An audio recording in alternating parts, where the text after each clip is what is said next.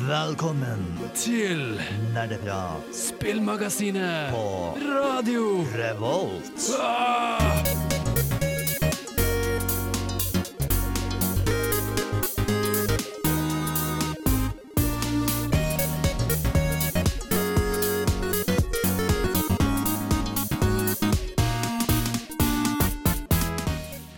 Hallo alle sammen, og velkommen tilbake til en ny episode med Nerdprat her på Radio Revolt. Hurra, vi er tilbake igjen. Vi hadde dessverre litt sjukdom forrige gang, så det ble ikke noe sending da. Men vi er tilbake nå, sterkere enn noensinne. Jeg, Håkon, er programleder, som vanlig. Med meg i studio i dag så har vi Anna? Tai. Og Bård. Og Bård. Hyggelig. Vi skal snakke om remakes og remasters i dag. Eh, da kanskje litt sånn spill du kanskje burde vurdere å spille litt på nytt. Eller for første gang. Eller for første gang, det også. Um, blir mye spennende. Eh, vi skal først høre hva vi har gjort siden sist. Det er nok en del. Radio Revolt. Vi er tilbake, og vi skal høre hva gjengen har gjort siden sist. Anna, har du lyst til å starte? Eh, siden sist, og det, hadde, det er en stund siden, vi hadde jo en spillekveld. Ja, det er sant. Ja. Det hadde, det hadde jeg faktisk helt glemt. Ja, det er bra. Men da kan jeg minne deg på at vi hadde jo en spillkveld, du og Steinar og jeg, Mhm. hos meg. Jeg inviterte. Dere andre kunne ikke. Det kan vi ha en annen gang. Men vi spilte blant annet eh, Eller du og Steinar spilte, og jeg satt og så på. Um, åh, eh, hva heter det? Nidhogg. Nidhogg, ja. Det er et Mm. spesielt navn. Nidhogg 2, faktisk. For det hadde jeg på Switch. For de der som ikke vet hva Nidhogg er, det er rett og slett eh, fekting, for å si det på den lette måten. Hvor eh, man bare fekter mot hverandre, og så er det om å gjøre å på en måte løpe til en ende. Hvordan skal man beskrive det? Er det ikke meningen å dytte motspilleren til en eller noe sånt? Nei, du, du, du dreper dem, Ja. og da får du tid til å liksom løpe på dems Nemlig, side av ja. banen, Mm. og så respawner dem, og så kommer de til å prøve å drepe deg igjen. Ja, og så er det, det er ikke bare én skjerm, eller du har liksom eh, Du, du kutter mellom ulike deler av banen da, jo lenger du klarer å komme deg enten til høyre eller venstre. Eh, og eh, på veien mellom for hver gang du dør, så respawner du med ulike typer våpen. Så for eksempel du kan ha longsword først, og så får du daggers etter at du har dødd, og så etter det kan du få pil og bue.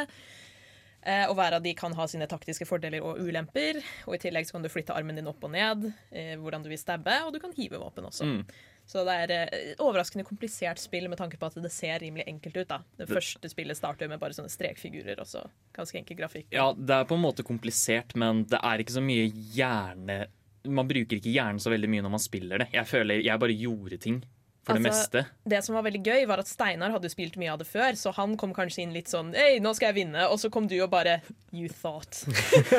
og Jeg literally er Håkon god i spill Sundby, OK? ja, ja, men Jeg skal aldri si noe på deg igjen på det. Fordi jeg satt der, og dere spilte i sånn kanskje et kvarter eller noe sånt før noen vant. Og det skjedde to ganger, og jeg bare satt og tvinna med tommelen og bare Ja, ja, ja jeg Han har bare venta på sin tur til å spille. Nei, jeg ga meg, ja. Jeg lot dere spille. Ja, Men ja, så det blant annet var det vi gjorde. I Mm. Det var veldig gøy.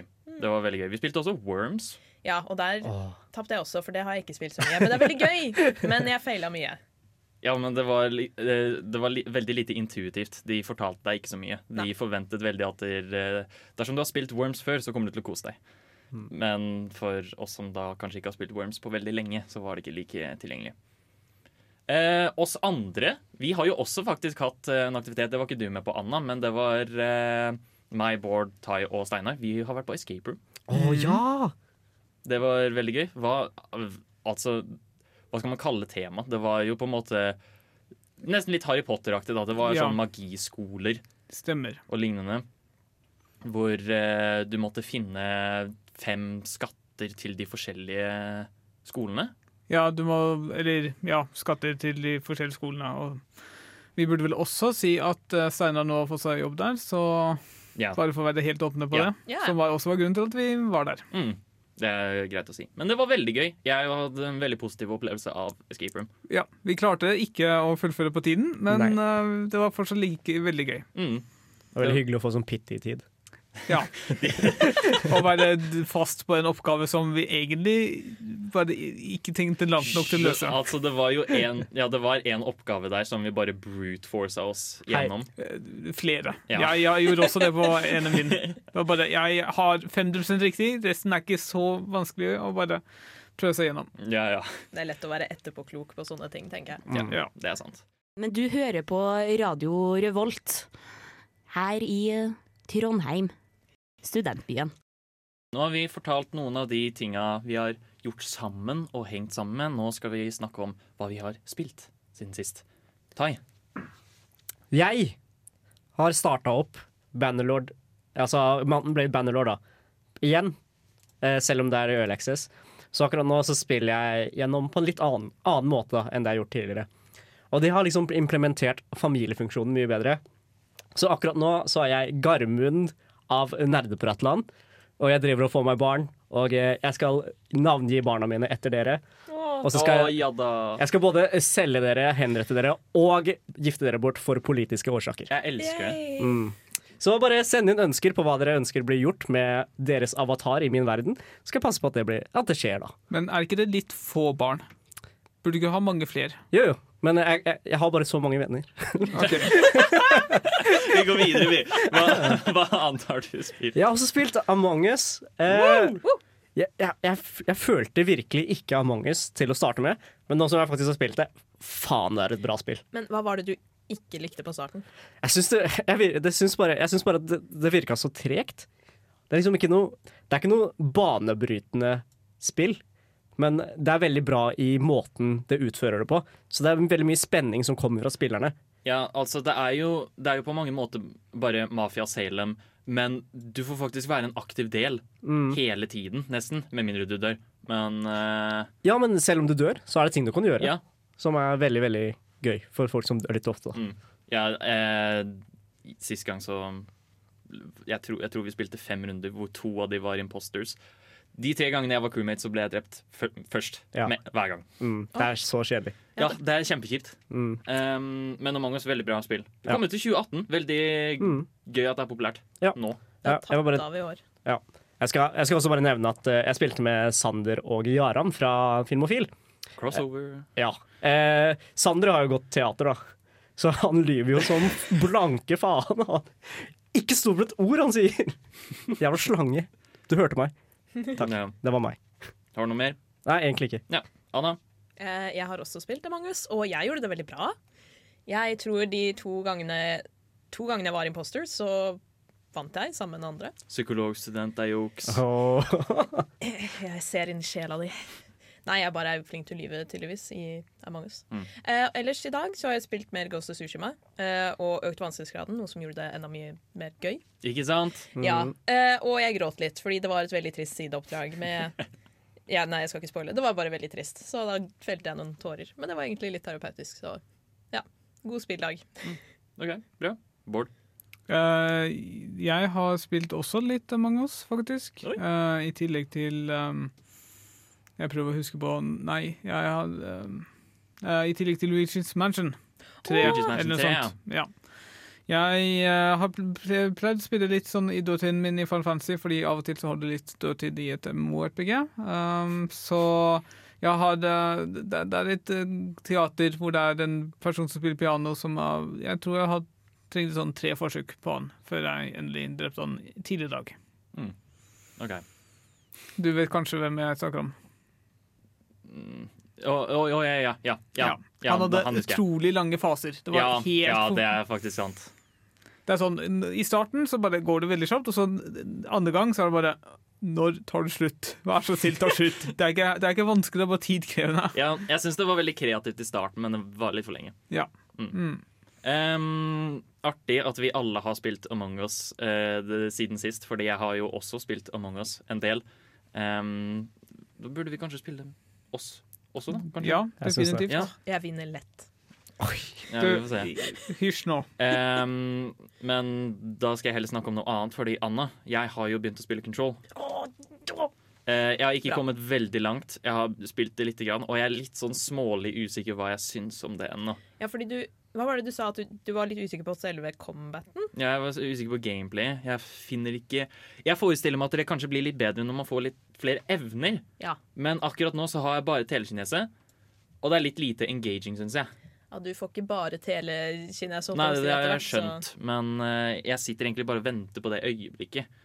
Og der, der jeg er litt sånn rastløs, da. Jeg venter på at det skal bli bra. Ja, det, det tror jeg kommer. Gi det Ja. en sjanse. Mm, Men uh, settinga plukker meg veldig opp. Jeg liker uh, veldig godt måten de formidler fortellingen også. Mm. Bare jeg, For for jeg skjønner ingenting. Og det er jo kjempekult. Nerdenytt.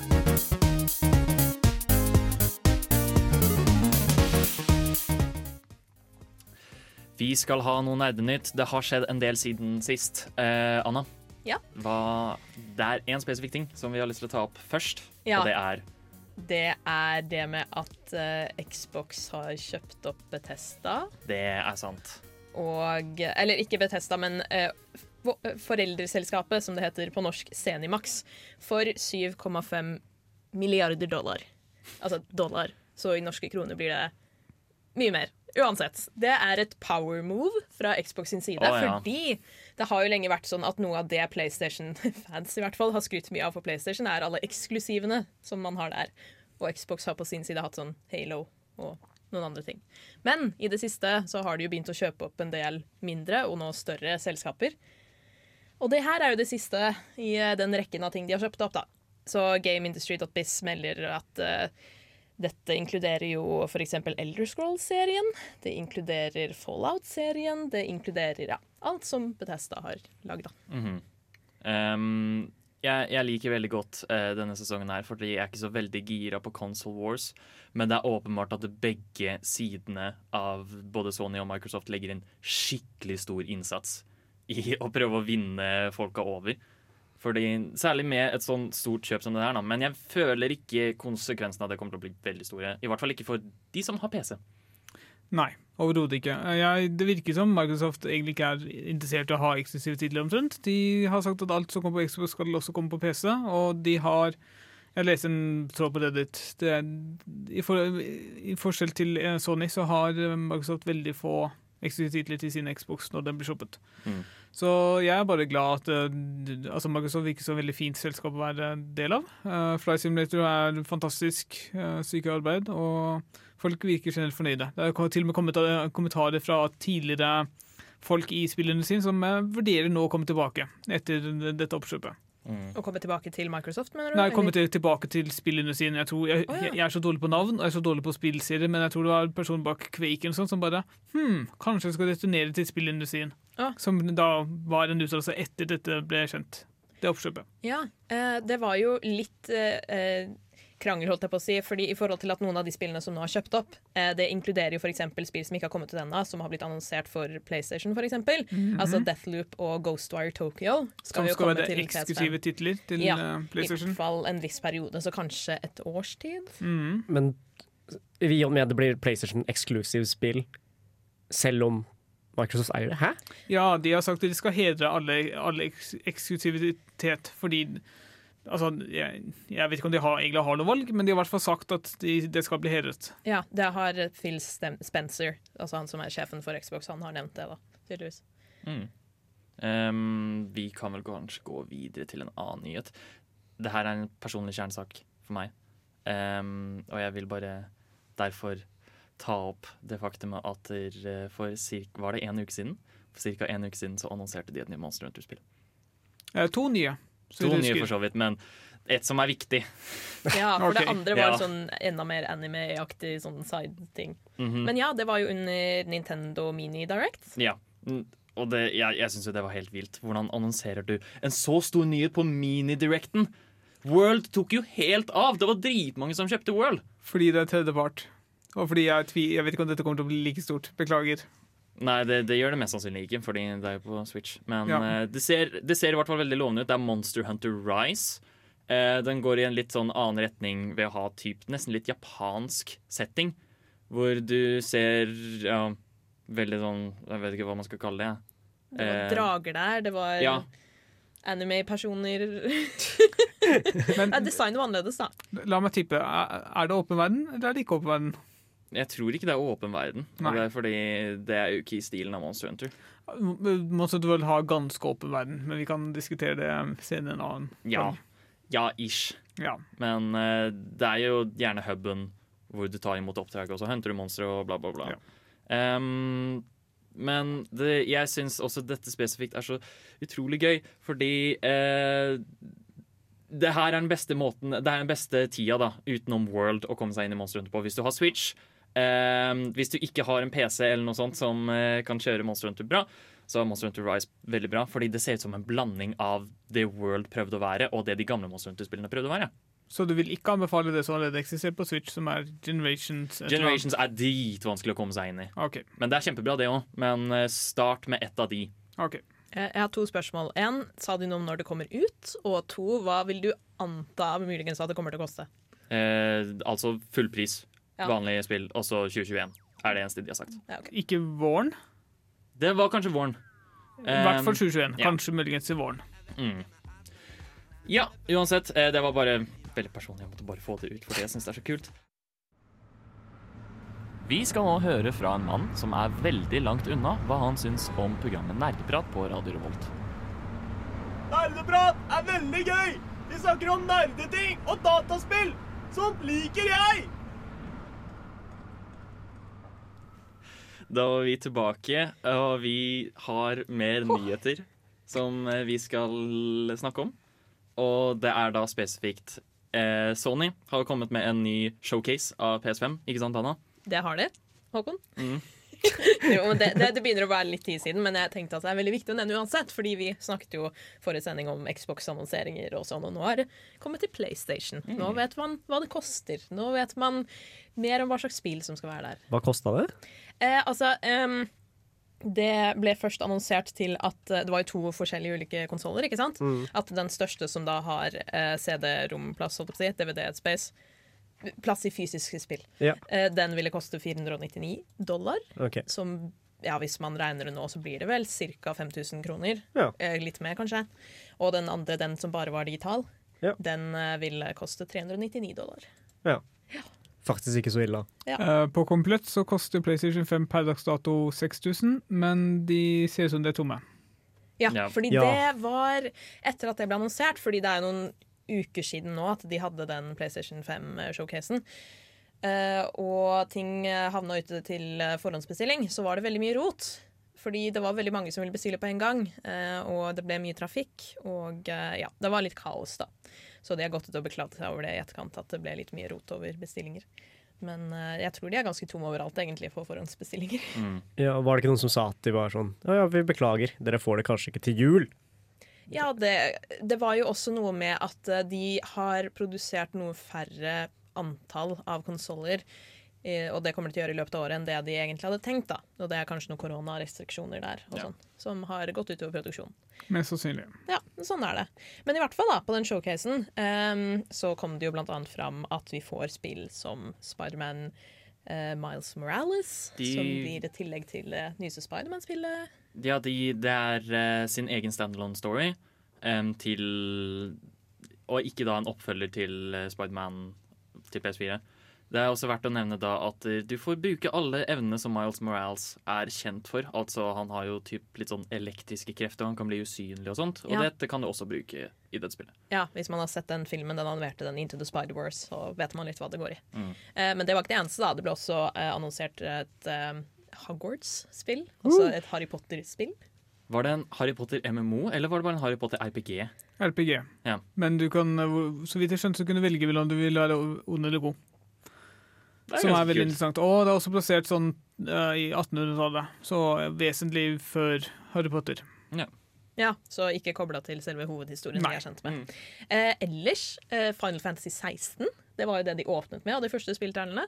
Ja. Det er noe jeg personlig ikke er så gira i. Bare at det liksom, Jeg kjenner ikke så mye til den spillserien. Jeg har ikke sett traileren en gang ennå, men jeg vet at mange jeg kjenner er veldig eh, entusiastiske for den. Eh, Det som er litt morsomt, er at eh, i traileren så sto det 'kommer også på PC', men det har de trukket tilbake i etterkant. Så det kommer nok på PC før eller siden. De bare har ikke lyst til å si det ennå. Ja. Selv de allerede har sagt det. Ja, Blir en PlayStation-eksklusiv eh, framover en god stund, i hvert fall. Jeg føler Square Enix har bare glemt eh, det faktum at Final Fantasy er, tidligere har vært en turbasert RPG. Det kan hende. Ja, fordi nå, er det ikke noe element av det lenger. Det burde også nevnes at eh, Hogwarts Legacy kommer ut på PC så vidt jeg kunne se på nettsiden deres. Ja. Også. Eh, de viste også mer av Demon Souls-remaken. Og det var bokstavelig talt den kjedeligste showcasen jeg har sett i hele mitt liv. Fordi det eneste som skjer, er at han løper gjennom det første området, og så bare dreper han et par veldig lette fiender. Og det er gameplay de velger å vise av det nye Eh, han kommer jo til en boss på slutten, da. Ja ja, det var kult. Det var fett. Men ledende opp til det Men Håkon, kanskje det var vanskeligere enn det du tror det er? Nei, altså Det var jeg, to hit-fiender, liksom. Håkon, jeg tror at grunnen er at hvis det skulle vært så vanskelig som det er i spillet, så kunne det tatt en god del lengre tid enn de hadde tid til å vise fram. Så det ville bare være enkelt og greit. Sånn her ser grafikken ut. Sånn her kan dere forvente at gameplay kommer til å se ut. Og så måtte de bare tone litt ned på hvor lang tid. De hadde jo ikke deg til å vise det fram spillet, så du Ja, måtte sant, velge noen rette Ja. fiender. Ja, OK, da. Eh, ja, hva mer? Jo, eh, noe annet som kom fram, da, ikke på selve showcasen, men i etterkant, det er jo at PlayStation 5-spill kommer til å bli betraktelig mye dyrere. Og det gjelder kanskje for Xbox også, da. At neste generasjons konsoller Jeg tror det er noe med kanskje produksjonskostnadene eller noe sånt som vil gjøre det. Nei, OK, dere rister på hodet. Greit. jeg, jeg, jeg rister på hodet fordi det er hovedsakelig kun inflasjon. Altså Selskapet kan selv velge hvor dyrt de skal gjøre spill, hvor mye tid de investerer inn. Så det er hovedsakelig inflasjon. De vil bare ha mer penger ut av forbrukerne. Ja, men jeg støtter egentlig litt at det er økt pris. jeg. Det har vært samme pris i veldig, veldig, i veldig, veldig mange år, og det reflekterer jo ikke kostnaden til spill lenger. Men spill har jo på en måte også eh, økt gradvis over årene i pris også. Det var jo ikke så Det var vel bare for sånn to år siden hvor eh, du så spill kostet liksom 500 kroner. Ja. Og, sånt. og nå koster det De fleste koster vel fra 600 til 650. Ja, fordi standardpris framover på neste generasjoner kommer kanskje til å være sånn 700 pluss. Ja. Um, en siste ting de også viste på den showcasen at det, de viste, på- de, det var bare en liten teaser, men de annonserte jo også det neste God of War-spillet. Ja! Å, herregud! Ragnarok. Å, hvordan kunne jeg glemme? Um, God of War Ragnarok. Det er ikke så mye å gå på, men det kommer, og det ser veldig og det, det er veldig hype, da. Det kommer i 2021, tydeligvis. Ja.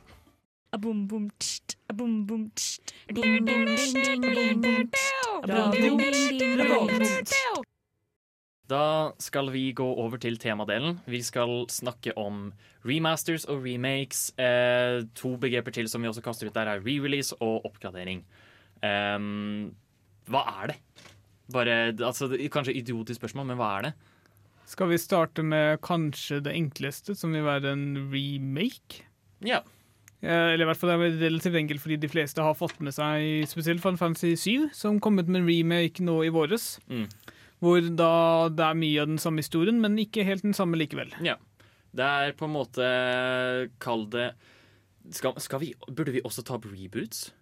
Det, Innenfor dette? Ja. ja. Fordi det, er, det går jo også innenfor remakes, Ja. nettopp dette her. Og det er jo at de tar det som definerer eh, et spill, og så lager de det på nytt med Ja. en ny tanke. Ja. Ok, Hva om vi sier der du gjenskaper det samme spillet, bare at du moderniserer det? ja. Uh, ja, ikke nødvendigvis, men du kan ta andre designvalg. Mm. Jeg vil trekke noen paralleller til filmverdenen, hvor du f.eks. kan lage en ny film på samme skillemateriale, som bare er har mer eller mindre samme historien, men har noen vesentlige forskjeller. da. Mm. Ja, bare at der får du nye skuespillere helt, og Ja. nye karakterutseender og Og sånn. nye, kanskje en litt annerledes plottpunkt og sånne ting. Eh, Spenningskurve og alt mulig sånt. Mm. Ja. Nettopp. Hva med OK, for å gjøre det lett, da. Gå til neste punkt. Hva med remasters? Hva er det som skiller det fra remakes? Jeg har et godt uh, eksempel. Jeg føler uh, for eksempel Hvis noen av dere har spilt Shadow of the Colossus. Ja. Ja. Det er et spill som har vært gjennom flere prosesser med remaster. um, fordi det kommer jo ut først på PlayStation 2. Mhm. Um, og så ble det utgitt også for PlayStation 3 som en remaster. Og det vil si at det som var i remasteren der, det var vel det at grafikken var oppdatert. Mm. Mhm. Og det er vel hovedsakelig det jeg vil si en remaster er, at du får det til å se litt mer sånn polished ut. Kanskje du også tviker noen sånne småting som har vært uh, feil i originalutgivelsen og sånn. Ja. For å få litt mer sånn smooth uh, gameplay. Mm. Det er vel uh, igjen, Man kan tenke sammenligninger til f.eks. Uh, musikkbransjen, hvor du har en masterutgave som liksom er alle rådataene samlet sammen, og så en remaster da du bruker mer eller mindre samme rådataene. Du prøver å fikse litt på noe av det, og så gir du ut på nytt. Ja, Som en remaster så blankpolerer du det, men remake så tar du spillet fra hverandre og ser litt nøyere på det, og setter det sammen igjen på en ny og ofte bedre måte, men ikke alltid. Det kan diskuteres etterpå. Jeg tror folk er litt uh, forskjellige uh, i meningen om uh, Final Fantasy 7 remake. Ja. Ehm, ja det, det, For ikke faktisk, snakke så mye om den. det, det er faktisk veldig, veldig gøy debatt, men det kan vi Ja. komme mer inn i senere. Um, og da kan man jo da tenke seg, når det, når det er øh, re-releases, uh, vil det rett og slett bare si at du lanserer et spill på nytt. Ja. Ved f.eks. en ny konsoll. Ta Skyrim som godt eksempel. Ja. Uh, og, men spesifikt uten å gjøre noen endringer. Mm. Bare kun flytte den fra en plattform til en annen, og kan, men minimale endringer. Bare for å gjøre det til å spille på plattformen. Da skal jeg slenge favorittspillet til Anna litt under bussen, men uh, Control Ultimate Edition er vel en re-release på en nyere plattform. Det er Ja. for så vidt også ja, oh, ja, sånn gjerne ja. Game of the Year bundle-opplegg. Ja, fordi da samler de kanskje litt DLC og sånn, ting som har tidligere blitt utgitt, og bare gjør det enklere for spillerne å få tilgang til alt. Mm. Og hva med sånn type Halo eh, Master Chief Edition? Nei, det er en remaster. De Mm. fikser opp masse problemer eh, de har hatt for, Eller de prøver å fikse masse problemer de har hatt fra tidligere, og Men der har du jo også spill som ikke har vært på PC før, har du ikke? ja, jo, men de gjør også hele opplevelsen mye bedre. Jeg, tror, jeg har ikke spilt så mye av det ennå, selv om jeg har kjøpt det, men jeg er ganske sikker på at de samler alle spillene til én, liksom en, eh, ett spill. Hvor de liksom kan OK, nå skal vi spille kampanjen til det første spillet, men så spiller jeg flerspillerdelen av det tredje spillet i samme spill, som gjør det mye bedre enn det det har vært tidligere, hvor du liksom Å ja, må bytte disk, eller stoppe spillet, starte et nytt. Så du får en samlet multiplay, altså flerspilleropplevelse. Mm. Um, men jeg vil i hvert fall da bare gi jeg, For jeg tenker at remaster og remake har hver sine funksjoner i forhold til nytteverdi. Ja. Um, og det er rett og slett at remakes prøver å uh, innovere Ja. sjangeren og spillserien på nytt, mens remasters er mer sånn du får, Enten så får du en sjanse til å prøvespille på nytt, eller gi en sjanse til nyere spillere. Ja, Ja. gjør det mer tilgjengelig. Ja, gjør det mer tilgjengelig, rett og slett. Du nevnte også reboot. Hva skal vi kalle det? da? Det er bare en re... re uh... Re-re. Det er en remake hvor du bare starter helt fra scratch, ja, på en og tar den i en helt annen retning. Mm. Så det er um, Ja, jeg vil si at det er en ganske bra Mm. definisjon på det.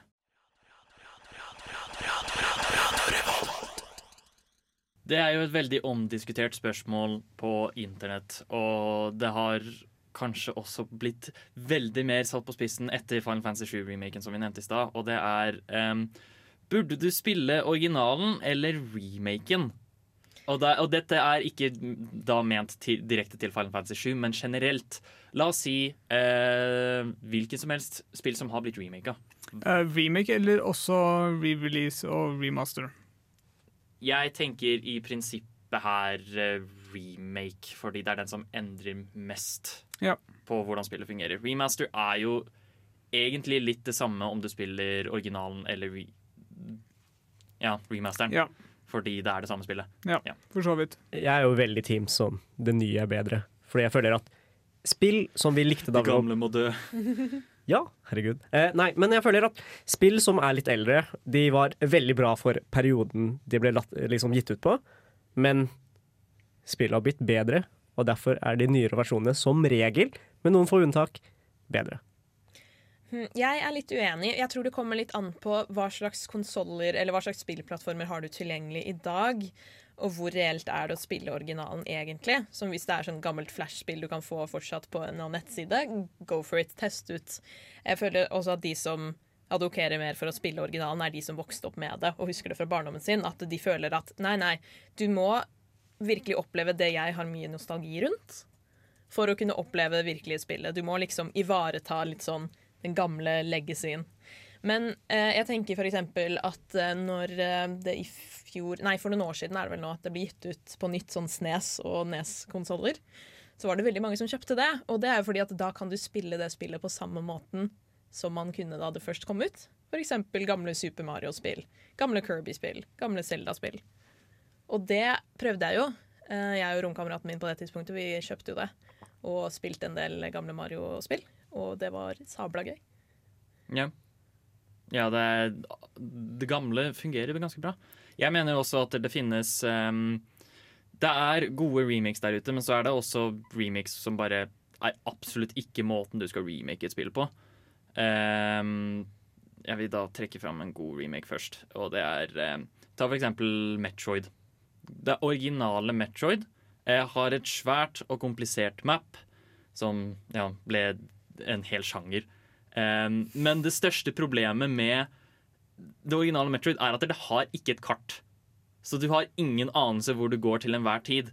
Og så har du remaken Metroid Zero Mission, som fikser det problemet umiddelbart ved å bare gi deg kart. Hvorfor skal du spille Metroid overfor Zero Mission? Ja, det er et godt poeng. Da Ja. gjør du det mer tilgjengelig også, da. Ja. Men er det da en remake? Ja, fordi det er eh, akkurat de samme eh, det, or det er akkurat de samme storybeatsa, omtrent de samme områdene, men det er mer å gjøre etter du har slått Mother Brain. Ok, Så det er ikke nøyaktig det samme spillet, men mye av det samme, ja. Det fungerer også veldig annerledes, og du får mange flere kule power-ups. Ja. Men for å også nevne litt uh, andre, altså en andre eksempler Du har jo, jeg nevnte tidligere, uh, The Culling uh, 1 og 2. Hvor utviklerne gikk altfor fort videre til å lage The Culling 2, som liksom skal være en oppfølger og Antagelig, ja, Du kan kalle det en remake, fordi det er et uh, Battle Royale-spill som uh, ikke har så veldig mye forskjellig fra gang til gang, for å være helt ærlig. Uh, det floppa jo totalt, og de prøver ennå å liksom karre seg til en stabil forretningsmetodikk, egentlig. Så det er jo åpenbart at det finnes eksempler på steder hvor du bare ikke prøver å fikse noe som allerede er veldig bra. Ja. Um, vi satt jo og humra litt over det i stad. Em, at der, eh, det er et lite sleeper Nintendo 64-hit. Det er ikke så veldig sleeper i det hele tatt, fordi alle vet om det omtrent. Uh, Bad Conquers Fur Day. Conquers Bad Fur Day. Det solgte 22 000 kopier, men alle elsker det spillet. Ja. Um, det fikk en remake på originale Xbox da Rare ble kjøpt opp der. Og alle er enig i at originalen er bedre, fordi det bare sugde ut all sjarmen fra det originale spillet. Alt ser veldig mye gråere ut, det er mye mindre farger. De har sensurert banneorda. Um, sånne ting. Så det, det, bare, det mangler veldig mye av den sjarmen Ja. som det originale hadde. Mm. Og da er det jo sånn Hvorfor skal jeg spille remaken? Det viktigste kanskje er for om man skal spille originalen eller remaken eller remaster, eller hva man snakker om, det er jo hvor mye blir beholdt på en måte av det som gjorde det første bra. Mm. Så altså Det er jo vanskelig å snakke om, men jeg, det riktige svar er jo vel egentlig ja, men nei. Se se på dem som forskjellige spill. Bare Ja. vurder dem som forskjellige spill, og bare si at ok, de er tilknytta. Mm. Hei, det er Kyra Gavla Kygo Nei, bare kødda. Det er Thomas Seltzer. 30 år eldre enn Kygo. eh, Og du hører på Radio Revolt. Det stemmer, du hører på Radio Revolt, og vi snakker fortsatt om remakes og remasters. Som jeg nevnte før låt, skal vi nå gå litt mer inn på spill som ikke burde gjenlages på noen som helst måte. Det burde ikke få noen remasters, burde ikke få noen remakes, fordi de er bra nok som de er. Eller jeg har også et, et annet punkt. Eh, Ja. Jeg har et annet uh, synspunkt, egentlig. Det vil ødelegge spillet. Ikke nødvendigvis at det er så veldig bra nå, men jeg tenker eksempel um, noen av de aller originale spillene, eksempel original Doom eller Doom 2. Mm. Hvis noen prøver å gjøre en remaster av det, det bare skjer ikke. Ja. Det er ikke det, det samme spillet overhodet. Det var et helt nytt spill. Som, uh, fordi det er liksom så milevis gjennom grafikken. Og likevel så er det folk som sverger til de spillene som liksom Å, det er det beste spillet noensinne. Det er jo også Akkurat der så er det jo fint sånn fordi de reboota jo Doom, Doom Ja. istedenfor å gjøre noe med det som allerede eksisterte. Og det Mm. var jo absolutt det rette valget, fordi de Ja. spillene er så psyko-bra. Og ikoniske. Så um, Men ja, var det noen er det noen som har noen innspill her? Spill som aldri burde remakes. Uh, jeg kom på et spill jeg er veldig glad i, som f.eks. er Journey. Uh, men det er jo et mye nyere spill enn type gammeldagse Doom, da. Og når jeg tenker sånn OK, spill som folk tenker dette burde remakes, eller dette burde ikke remakes, så tenker jeg hovedsakelig på mye eldre spill enn ting som er gitt ut fra 2010 og utover. Men Journey for meg var en veldig perfekt spillopplevelse, og kort og greit. Og eh, det kan gjenutgis, liksom Hva hva var det de kalte det når det slippes på nye plattformer igjen? Ja, relansering. Ja. Ja, re relansering. Det kan relanseres eh, på nye konsoller og sånn, Det kan jeg se for meg. Men Ja. eh, remake ser jeg ikke er relevant i det hele tatt. Jeg har en litt annen vinkling, ja. men MMO-er Jeg hater når MMO-er kommer en MMO liksom Hvis du har en MMO 1, så kommer det en MMO 2. Det er som regel ikke det samme. Altså. Nei, det er ikke det. Men jeg har et uh, motstridende poeng til deg. Uh, som jeg merker veldig godt med Final Fantasy 14, som jeg spiller nå. Uh, tekniske problemer er noe herk. Det er jeg hater det så mye. Og hvis de faktisk kan bare putte historien til Final Fantasy 14, eller altså jeg bryr meg ikke så veldig om historien, men altså mye av de gode systemene de har der, og bare fjerne alle de tekniske problemene som jeg hater hver eneste gang jeg spiller, så hadde det vært fantastisk. Men når det, når det kommer til sånne type spill som det der, da, sånne online-spill og sånn, kan man da kalle det for remakes eller remasters? For da er det bare oppdateringer, er det ikke? Uh, for, for eksempel uh, Among Us. Det skulle komme en toer. Uh, nå har de Ja. bare skrinlagt det og sagt at nei, vi jobber heller på eneren. Ja. Toeren ville jo da mest sannsynlig vært en re remake eller noe sånt. Fordi det hadde vært, mer, det hadde vært det samme konseptet, bare bedre. Mer eh, ting å gjøre, litt flere system og sånne ting. Men nå har de sagt at nei, vi legger det til i det originale. Men da er det et veldig godt eksempel på akkurat det her. At jeg synes at det hadde fungert hvis de bare la til nye funksjoner på det eksisterende spillet her. Så de trenger ikke å remake det da, de Ja. trenger bare å, å gjøre det originale enda bedre. Men det er da jeg drar fram og viser deg Runescape. For Runescape 3 suger pikk. Bokstavelig talt. eh, og det spillet det sugde jo såpass pikk at det kom en petition om å lage old school Runescape. Så da fant de en server fra 2007. De reboota det. Og det er jo tre til ti ganger mer populært enn Runescape 3, som er den nyere, bedre i anførselstegn-versjonen. Så oppdateringer gjør ikke alltid ting bedre. Det er så trist, det. Det er det. Men uh, OK, Runescape 3. Er det da Er det ment som en oppfølger, eller skal det på en måte være oppgradering? Det er egentlig samme spill som har blitt litt retirert og så oppdatert. Mm. Men det har blitt såpass annerledes fra det som var sjarmerende av Runescape 2, at de fleste foretrekker Runescape 2, selv om spillet er fra 2007. Eh, en annen ting jeg også vil uh, nevne i denne kategorien. Uh, his, eh, spill som har veldig sterke historier, som egentlig ikke kan bli ordentlig gjenfortalt. Oh, du ser det så, på samme måte med Ringenes herre. Det er ingen som ser for seg at Ringenes herre blir gjenskapt på 20 år, liksom.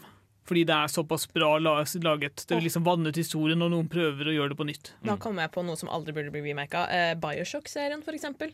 Jeg Ja. synes at den er, den er utrolig kjent for worldbuildingen sin, for historiene det har, med de undervannsbyene og flytende byene Ja. i skyen, holdt jeg på å si, eh, i oppfølgeren. Uh, det er en serie som burde få være plettfri og Ja, bli bevart. kanskje relansering, bare for å få det, gjøre det mer tilgjengelig. Ja, ja. Jeg er veldig for remaster av det. Sånn bedre, grav, Ja. bedre Og det- textures og sånt. er det jo heldigvis masse av, sånn at det flere får Og det er det, det som er så kjekt med remaster, fordi um, det er veldig mange som stusser på det med tanke på at du betaler full pris for et spill som har eksistert ganske lenge. Um, I hvert fall i de fleste tilfeller, men det gir jo flere spillere en ny mulighet til å oppleve mange av disse spillene som ikke fortjener remake. Hvis vi snakker om storybaserte spill, så må jeg nevne Chrono Trigger. Fordi jeg ser ingen måte at de kan remake det spillet, fordi Jeg vet ikke. Det er bare det Ja. så sjukt. Jeg har ingen gode eksempler selv akkurat nå, men eh, jeg har hørt veldig mye om The Life is Strange, som er veldig historiebasert spill, som kanskje da ikke burde gjenlages. Nei. Um, nå skal vi gå over til når spillindustrien ikke lytter på oss på akkurat dette. Og så remaker vi spillet likevel, selv om vi kanskje ikke ønsket det. Hi, my name is Bob the Drag Queen, and you are listening to Radio Revolt. Nå skal vi gå over til å snakke om dårlig, tullete dritt-remake som vi ikke liker fordi det er teit. Og remaster og relansering og, og, og, og, og alle all- alle de tingene der. Jeg vet at dere har noe dere er veldig veldig gira på å snakke på, så jeg vil bare snike dette inn før dere begynner med det. NBA og EA Sports Games Ja. er kanskje det dummeste pisset på jorda. Refer refererer du bare til det faktum at Fifa kommer med nytt spill hvert år? I, eh, blant annet for eksempel det nyeste NBA-spillet har akkurat de samme bugsene som det forrige NBA-spillet. eh, tingen er at Folk titta gjennom, og det eneste de fant, var litt høyere resolution textures. Men det er det. Og du betaler 700 spenn for et nytt spill. Og dette er det pisset du får. Koster Nei. 700? Nei, jeg altså, har ikke peiling, men det er jo triple A-game. Men ja, eh, det er også et annet poeng der. Det splitter eh, spillebasen så utrolig mye. Så både det, og også for så vidt med Pokémon, for den saks skyld, spill som er, har jevnlige oppdateringer, bare ha ett spill, og så bare oppdater det med DLC og alt mulig sånt. Og ha patcher for å fikse, legge til nye systemer, fordi det, det blir bare tullete å ha et nytt eh, fotballspill hvert eneste år. Nei, men du skjønner, det er en ny vinkel på fotballen. Så hvis Ja, du, mm, nemlig. Ok, Så det er sånn type spill hvor det er veldig tydelig Eller jeg tenker personlig at det er veldig tydelig at det, det blir bare lagd fordi man er ute etter å tjene penger. Ja. Ja. Og det er allerede populært, og da tenker man ja, hvorfor ikke? Nei, for så vidt ikke. Jeg tror du også kan argumentere for at de gjør det for å ha de nyeste endringene i uh, spilletilhørighet, f.eks. Ja, jo. Men igjen, nå har vi en digital verden. Alle konsoller er koblet til nett. De må ha oppdateringer for å kunne snakke med hverandre. Lanser en patch. Lanser en oppdatering som oppdaterer spillertilhørighet. men Bård, da bruker du ikke 700 kroner på oss igjen. Nei, det stemmer. Det er helt riktig. Ja, jeg ville bare ha den ute i verden. Ja. Ja, OK, Bård. Er Skyrim. Ja. Legg, legg Skyrim død. Ja. Det er, det er kanskje det beste eksempelet. Og vi, vi diskuterte litt sånn under låt også, fordi Bethesda har ikke gjort det med så mange spill. Oblivion har liksom én-to utgaver. Ja. Fallout har én-to utgaver. Det er kun Skyrim som fikk så enorm popularitet, som er, i, er å finne på alle plattformer i sånn minst tre versjoner. ja, fordi du har jo alle disse re-releasene på de forskjellige plattformene. Og så har du i tillegg en remaster som er Skyrim Definitive Edition, hvor Er er det ikke Legendary Edition? Legendary Edition heter det kanskje. Ja, um, Hvor ah, vannet ser litt penere ut. Ja. Ikke så betraktelig mye penere heller. Nei, det var noe du- folk har gjort veldig lenge med mods allerede. Du har Ja. også God Race. Viktig. Det eneste positive med det er jo at du fikk det gratis dersom du eide Skyrim allerede. Ja, for så vidt. Godt poeng. Um, men ja Kjempeteit at Ja, de gjør Skyrim sånn. er et av de verste eksemplene. Eh, Et annet jeg vil trekke fram som er en litt sånn annen sjanger, som du kanskje opplevde Eller jeg har ikke spilt det selv, eh, men Dark Souls Remastered Mm. er, så vidt jeg har skjønt, på de som faktisk har kjøpt og spilt eh, prøvd det, det er Dark Souls med en patch som var uh, altså tilgjengelig fra modder fra dag én, bare innebygd. Ja, det Og det krever de sånn noen hundrelapper for det også. Ja. Og splitte opp spillebasen igjen. Mm. Så det er kanskje den mest unødvendige nye utgaven noensinne. Skal du kjøpe Dark Souls Remastered, så skal du kjøpe det på, Switch. Sånn at du kan ha Dark Souls på Switch. Jeg har det faktisk, jeg har faktisk Dark Souls Remastered på Switch. Ja, ikke sant? Ja. Dark Souls on the go, ganske bra. Dark Souls Remastered på PC, kjempedårlig. For Ja. det har du allerede. Hvis du eier Dark Souls. Og, og det verste er at jeg tror ikke du kan kjøpe den originale utgaven lenger heller. Ja, de, de, de erstatter sikkert Serr? Jeg, jeg vet ikke, men det er, det er ikke utenkelig. det hadde ikke overraska meg, nei. Fordi jeg husker et annet spill jeg hadde lyst til å spille på nytt igjen. Uh, Bulletstorm, som egentlig er et dritkult Ja. spill. Du, du får ikke noe, Den originale utgaven jeg har i biblioteket mitt, finner du ikke, eh, finner du ikke til salgs lenger. Du finner kun en sånn ny Ultimate Definitive Edition. Men de, de ga deg den da, ikke sant? Jeg tror ikke det. Oh, ja. Og jeg, jeg, så jeg tror jeg må kjøpe den for full pris om jeg skal ha den uh, utgaven. Jeg har ikke noen sånn oppgraderingsmulighet. Men det er egentlig det jeg lurer på. Synes du at hvis det er online, burde du få den nye versjonen? Hvis du eier det fra før? Eh, det spørs på hvilken endring du har gjort, men de burde i hvert fall gi meg en billigere måte å få oppgradert på. Det De burde ikke forvente at jeg betaler full pris fra å gå fra første utgave til andre utgave. De burde ha en sånn mellomlegg bare OK, takk for at du kjøpte spillet første gang. Her har du litt ekstra innhold for 50 kroner og sånt. Men Bård, vi trenger de 700 kronene dine. Ja, jeg vet det, Tai. Jeg vet det. Du og den farmasiindustrien din. Eh, Jeg vil også bare nevne Star Wars Battlefront etter at EA kjøpte opp den serien. Det er jo først da at det begynte å bli ganske mye kritikk og sånn mot Ja, men det er Mm. fordi EA håndterer spill så forferdelig for tiden uansett. Det er liksom, det, det er ikke problemet Battlefront spesifikt, men det er problemet EA, vil jeg si. Jeg er helt enig. Altså, Battlefront burde ikke ha blitt gjort på den måten som det ble gjort på. Det, det er Battlefield in space. Det er bare mer penger til dem. Nei, men det, ja. ja. Men det er jo det. Ja. det. Det skiller seg ikke på noen annen måte annet enn at du kan spille jediene. Ja. Og, og av og til fly kule skip. Ja, av og til. Ja, av og til. Det er I, ikke alltid. Igjen det med at de vil cashe inn da, på eksisterende eh, populære sjangre og spill. Du nevnte også noe Tai før sending. Eh, Control hadde en liten kontrovers rundt, rundt sin lansering av en ny utgave. Ja, altså Nå husker jeg ikke helt detaljene, så dere må ta det med en klype salt. Men det hele greia var at eh, Control kom med en Ultimate Edition eller noe sånt, Ja. til den nye konsollen sin. Og så spurte de gamle spillerne sånn Hei, vi har jo spillet fra før, kan vi få den nye versjonen da, siden det er på ny, eh, det er på ny konsoll uansett? Så sa de sånn Nei, altså det er jo ikke teknisk mulig for oss å oppgradere eh, kontrollversjonene deres. Så beklager, vi kan ikke noe gjøre, gjøre noe med det. Ja, og det var da utgiveren, ikke utvikleren. Så Remedy har utviklet spillet, men utgiveren er 505, eh, som har vært litt i ilden for andre ting før. Og nå har de bare skapt enda mer kontrovers. Ja, Men det, den tullete delen er at de fant den oppgraderte versjonen på konsollen sin, og så ble det reversert senere. Ja. Mm. Siden noen hadde gjort en feil. Ja. Um, man kan jo spørre seg da hvorfor, hvorfor velger de da å Penger. Ja. Penger. Um, som, en siste, som et siste eksempel så vil jeg kaste Golden Eye. Uh, altså James Bond-spillet til Nintendo 64, som fikk en remake til Xbox. De gjorde spillet til COD. Oh. ja. ja. Det var alt. Um, så fanden ta kapitalismens uh, maskineri. Vi liker ikke det. Slutt å remake spill som er bra nok fra før. Remaster kanskje, men uh, ikke remake. Dette er bare Egil. Det blir mer drittmusikk etter dette.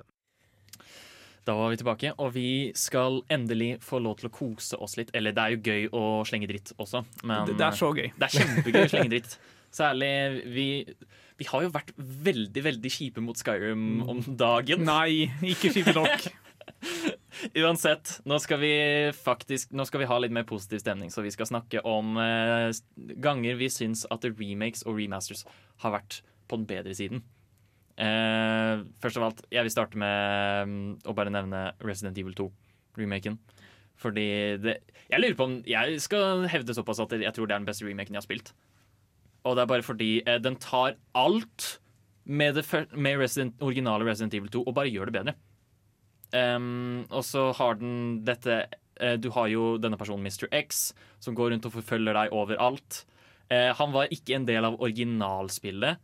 Han var bare New Game Plus, som vil si at du spilte gjennom hele spillet. Og så hvis du spilte det på nytt som den andre karakteren, så fikk du Mr. X.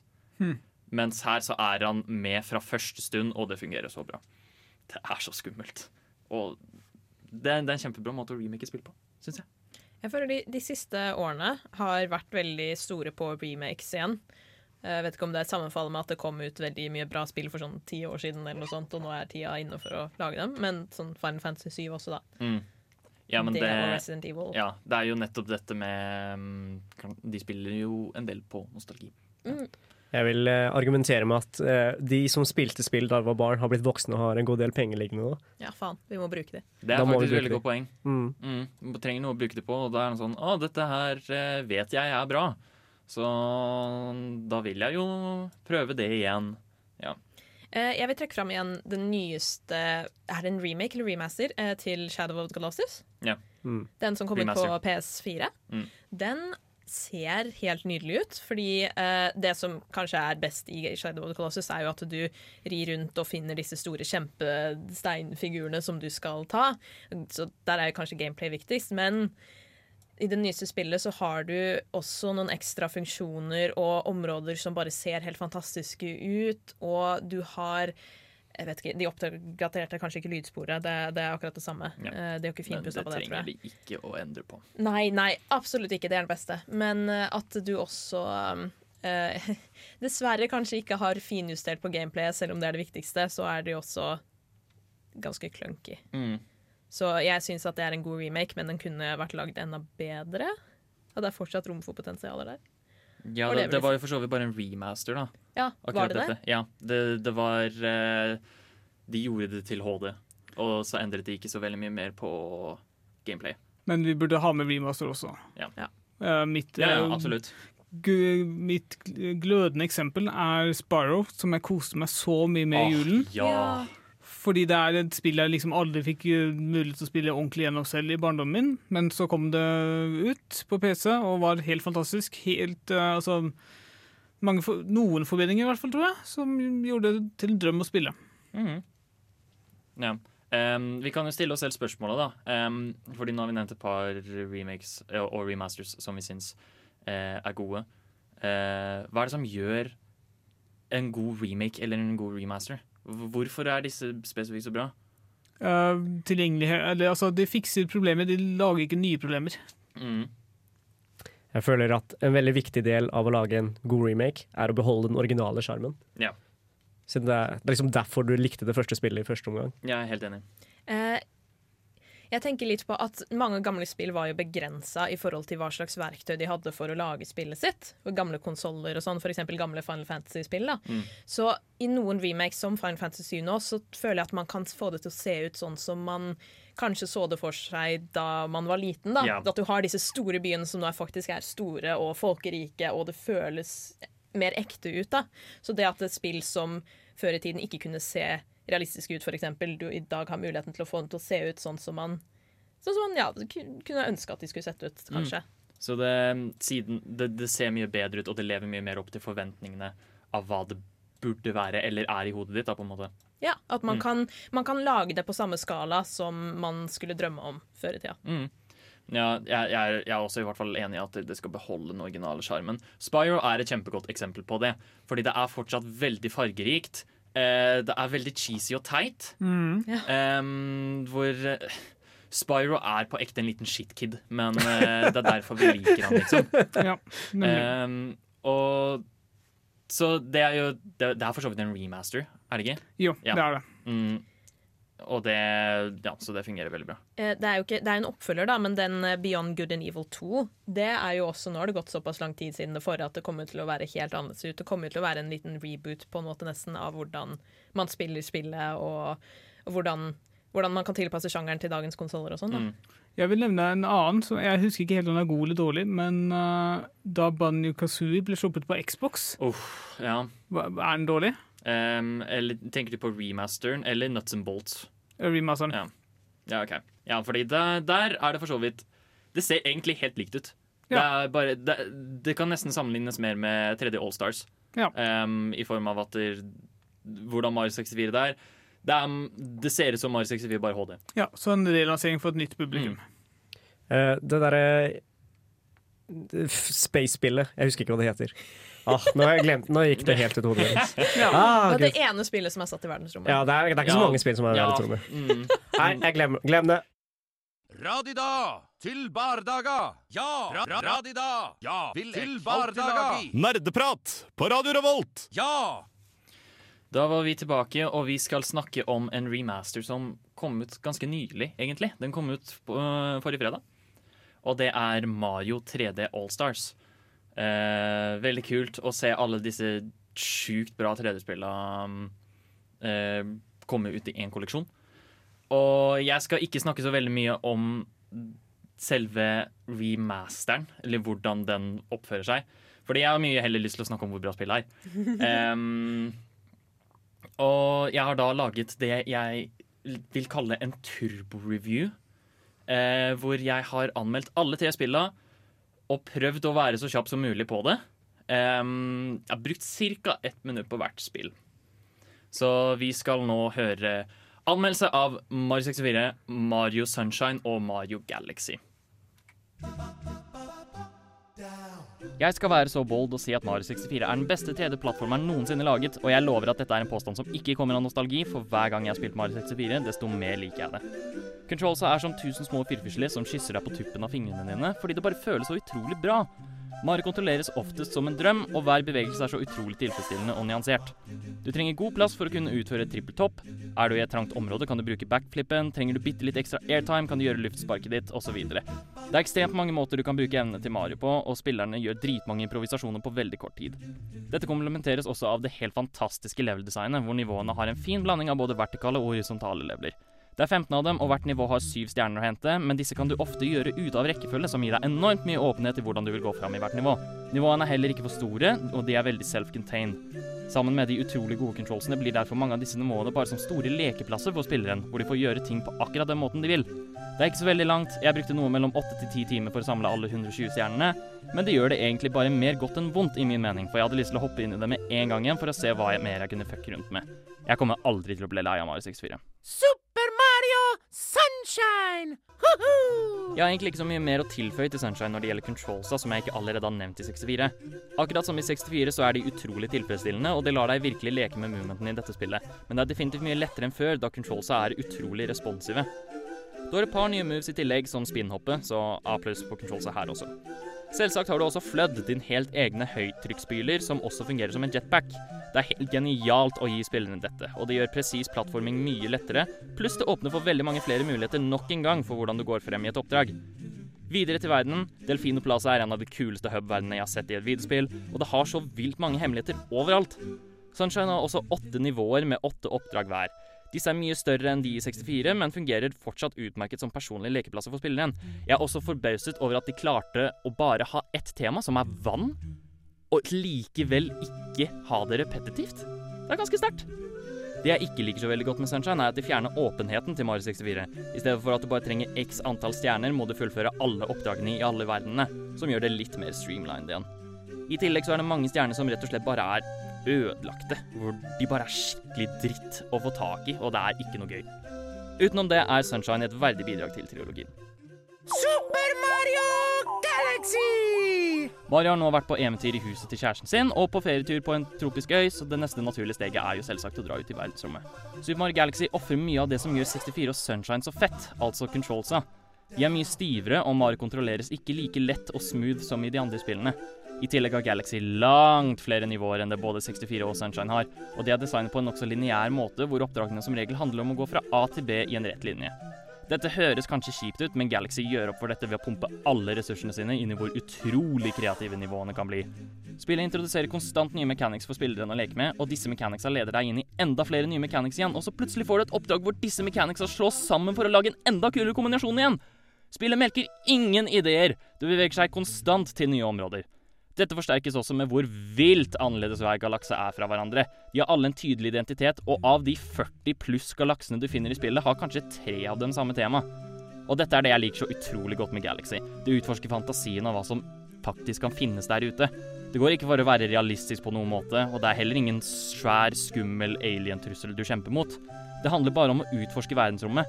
Det er opplevelsen og galaksene du finner på veien, som er den ekte stjernen i dette spillet. Og så må jeg gi shouta til musikken, fordi fy faen. Topp fem soundtracks i videospill? Veldig sterkt. Finish!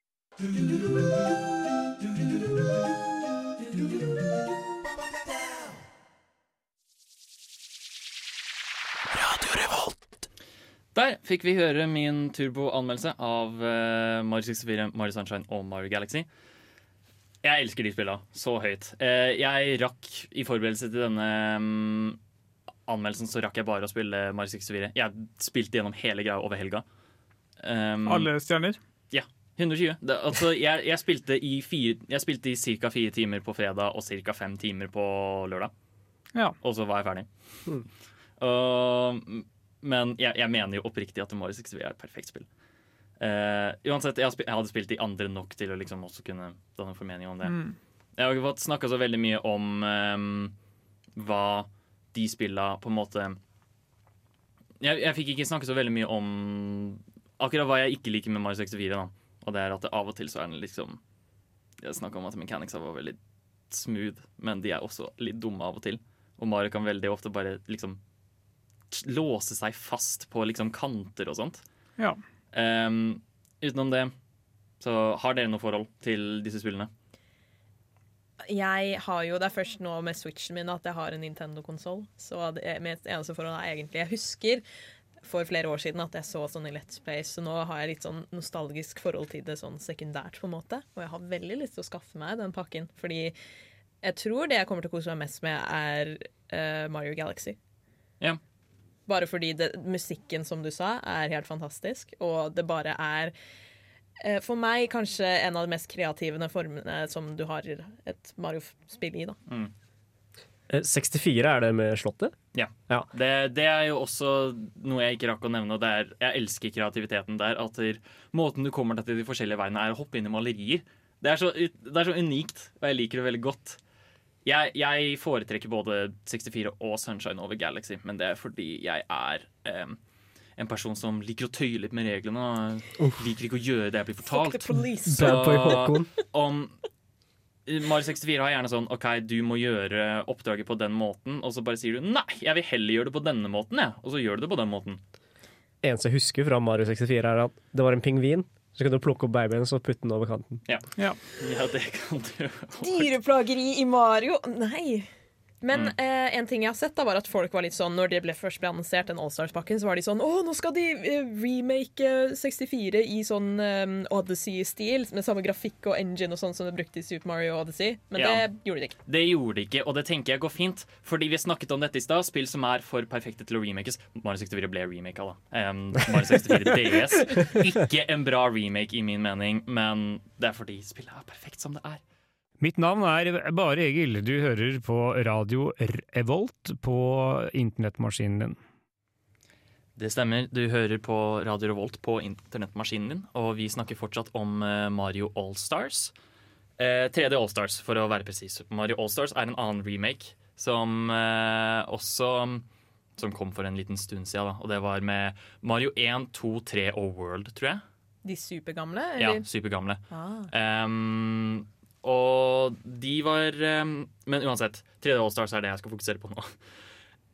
Jeg har fått spilt den lite grann og mener at det, er, eh, det spørs veldig på hva du vil ha i en remake, eller bare hva du vil ha i pakninga om du skal spille denne remaken her overfor originalen eller ikke. Men var det remakes eller remaster, eller er det re-release?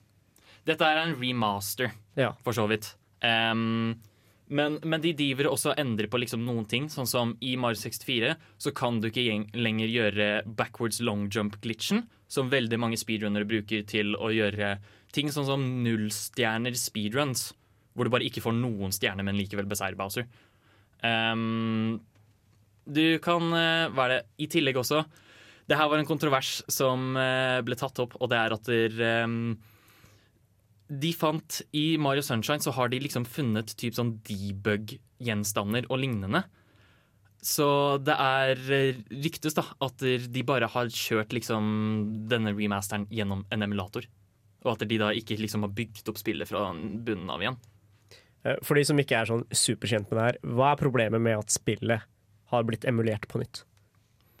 Um, ja, det Ja, ok. Eh, er at Når spill emuleres på nytt, så har ikke det alltid den samme mekanikken som det hadde da det ble programmert direkte på hardwaren. Mm.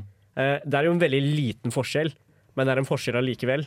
Og det er mange som føler at de ikke opplever spillet på samme måte når de spiller en emulert versjon, i motsetning til en versjon som er direkte programmert eh, inn og kjørt av hardwaren som finnes der. Da. Mm. OK. Det var litt mer teknisk avansert enn det jeg var klar over. Men Ja, jeg, jeg føler vel mest sannsynlig at det er de som er blodfans og eh, sånn eh, speedrunners. Sånn litt sånn der eh, Det miljøet der da, som reagerte mest på dette. Mm. Åh, en annen kontrovers det er jo det med at eh, de annonserte Nintendo altså, at 3D Allstars det er jo bare tilgjengelig i en viss periode. Sånn limited edition. Du får bare kjøpt det innen en seks måneders periode eller noe sånt. Ja, dette Av en eller annen grunn. Ja. Eh, det er ingen som egentlig er helt sikre på hvorfor. Og det også er veldig kontroversielt med tanke på at der, eh, eShop og kontoer på Switch overføres ikke mellom switcher. Som vil si at hvis du må kjøpe deg en ny Switch, og det er etter mars, så kan ikke du få deg det spillet på nytt. Penger, I guess. Ja. At eh, folk vil heller kjøpe det når det er uh, kortvarig og litt uh, utilgjengelig, på en måte. Ja. Men hadde ikke dere en teori om at de skulle lansere det hver for seg, bare ikke som en bundle? Kanskje i Eh, fremtiden. Nei, jeg tenkte det var en bundle, men jeg trodde også at Galaxy 2 skulle være med. Men Ja, det var det ikke. Men det er det ikke, og det, det gjør meg men de, har, de, de remaster jo også Mario 3D World på egen hånd. Det viktigste du har ikke lenger so long gay Bowser. Ja, det er veldig trist. Som han sier i 64. Men det er i hvert fall eh, grunner Største grunnen til at du skal kjøpe det, da, er jo for eh, at du får det portable på Switch. Så det er veldig bra. Når innså du at du var en gamer? Dersom du kunne spilt kun et spill i et år Hva er det eldste spillet i backloggen din? Hva har du lært fra spill som du har fått nyte av i Er det et spill som har hjulpet deg gjennom en tung periode av ditt liv? Hva er ukas spørsmål? Ukas spørsmål er um, Tenk deg at ditt favorittspill, eller bare et spill du liker skikkelig skikkelig godt, blir remaka. Og så bare ødelegger de det helt. De tråkker på det, gjør det helt ubrukelig. Hva ødela de? Hvordan ødela de det? Er ukas spørsmål. Tai? Uh, dette er kjempelett for min del.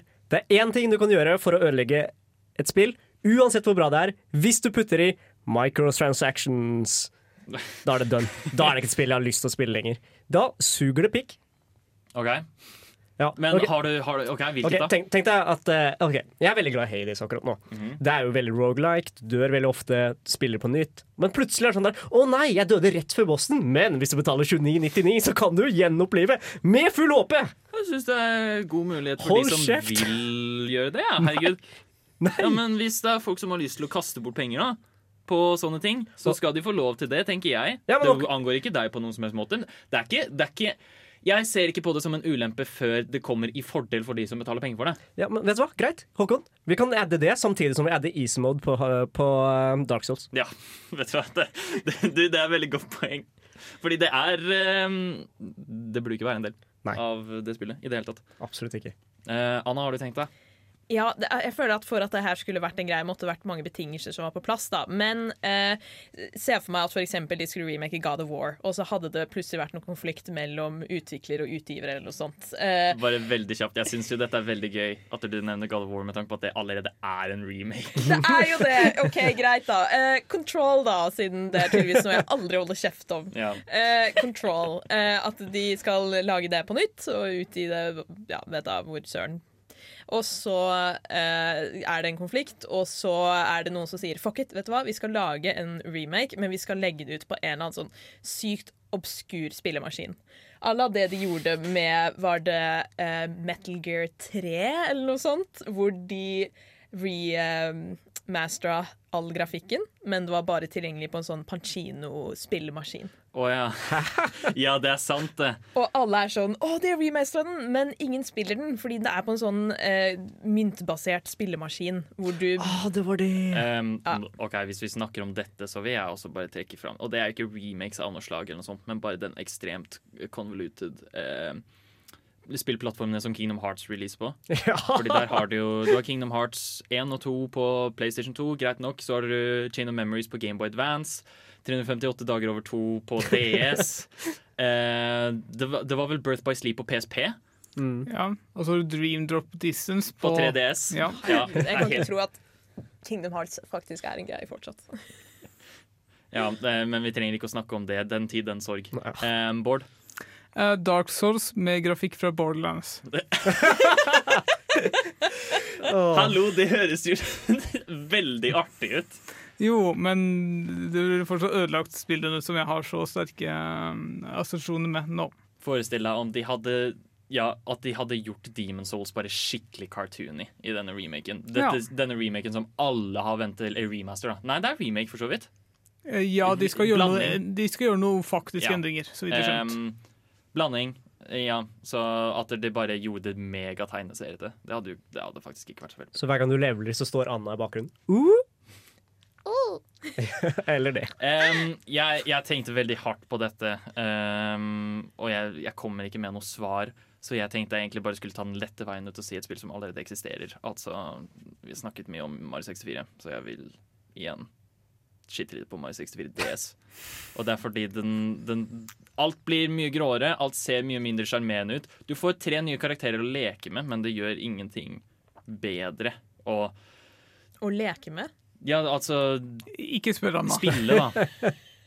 Spille Ja. som. Um, men de fjerner jo også De endrer jo helt på fysikken i spillet og hvordan spillet opptrer. Ikke gøy. Mange kom, det er, jeg vet det er veldig mange som liker den remaken, men um, ja, ja. Du hører på Radio Revolt, studentradioen i Trondheim. Da var vi ved veis ende. Vi har snakket mye om remakes og remasters i dag. Og jeg syns det har vært gøy. Um, før vi runder av, så er det verdt å nevne at det er et par gratisspill på Epic Games Store nå. Hvem var det, Anna? Det er uh, blant annet Rollercoaster Tycoon 3 Complete Edition. Den er ute gratis nå. I tillegg så er det salg på Steam. Square Unix har masse remastered og Fine Fantasy-spill på salg. 50 eh, av på mye av dem. Eh, vær forsiktig med Nier Automata. Den er visstnok ikke patcha på PC siden noensinne. Ja. Og relevant Crisis Remaster er også ute nå. Mm. Eh, som en siste ting før vi runder helt av, så er det en Smash-turnering på Samf i morgen. Anbefaler alle å sjekke det ut. Um, I hvert fall hvis du er interessert i Smash eller ønsker å bli mørbanka, fordi det er garra liksom en del gode folk som skal. Som deg. Ja, Som som, deg. meg. Som meg.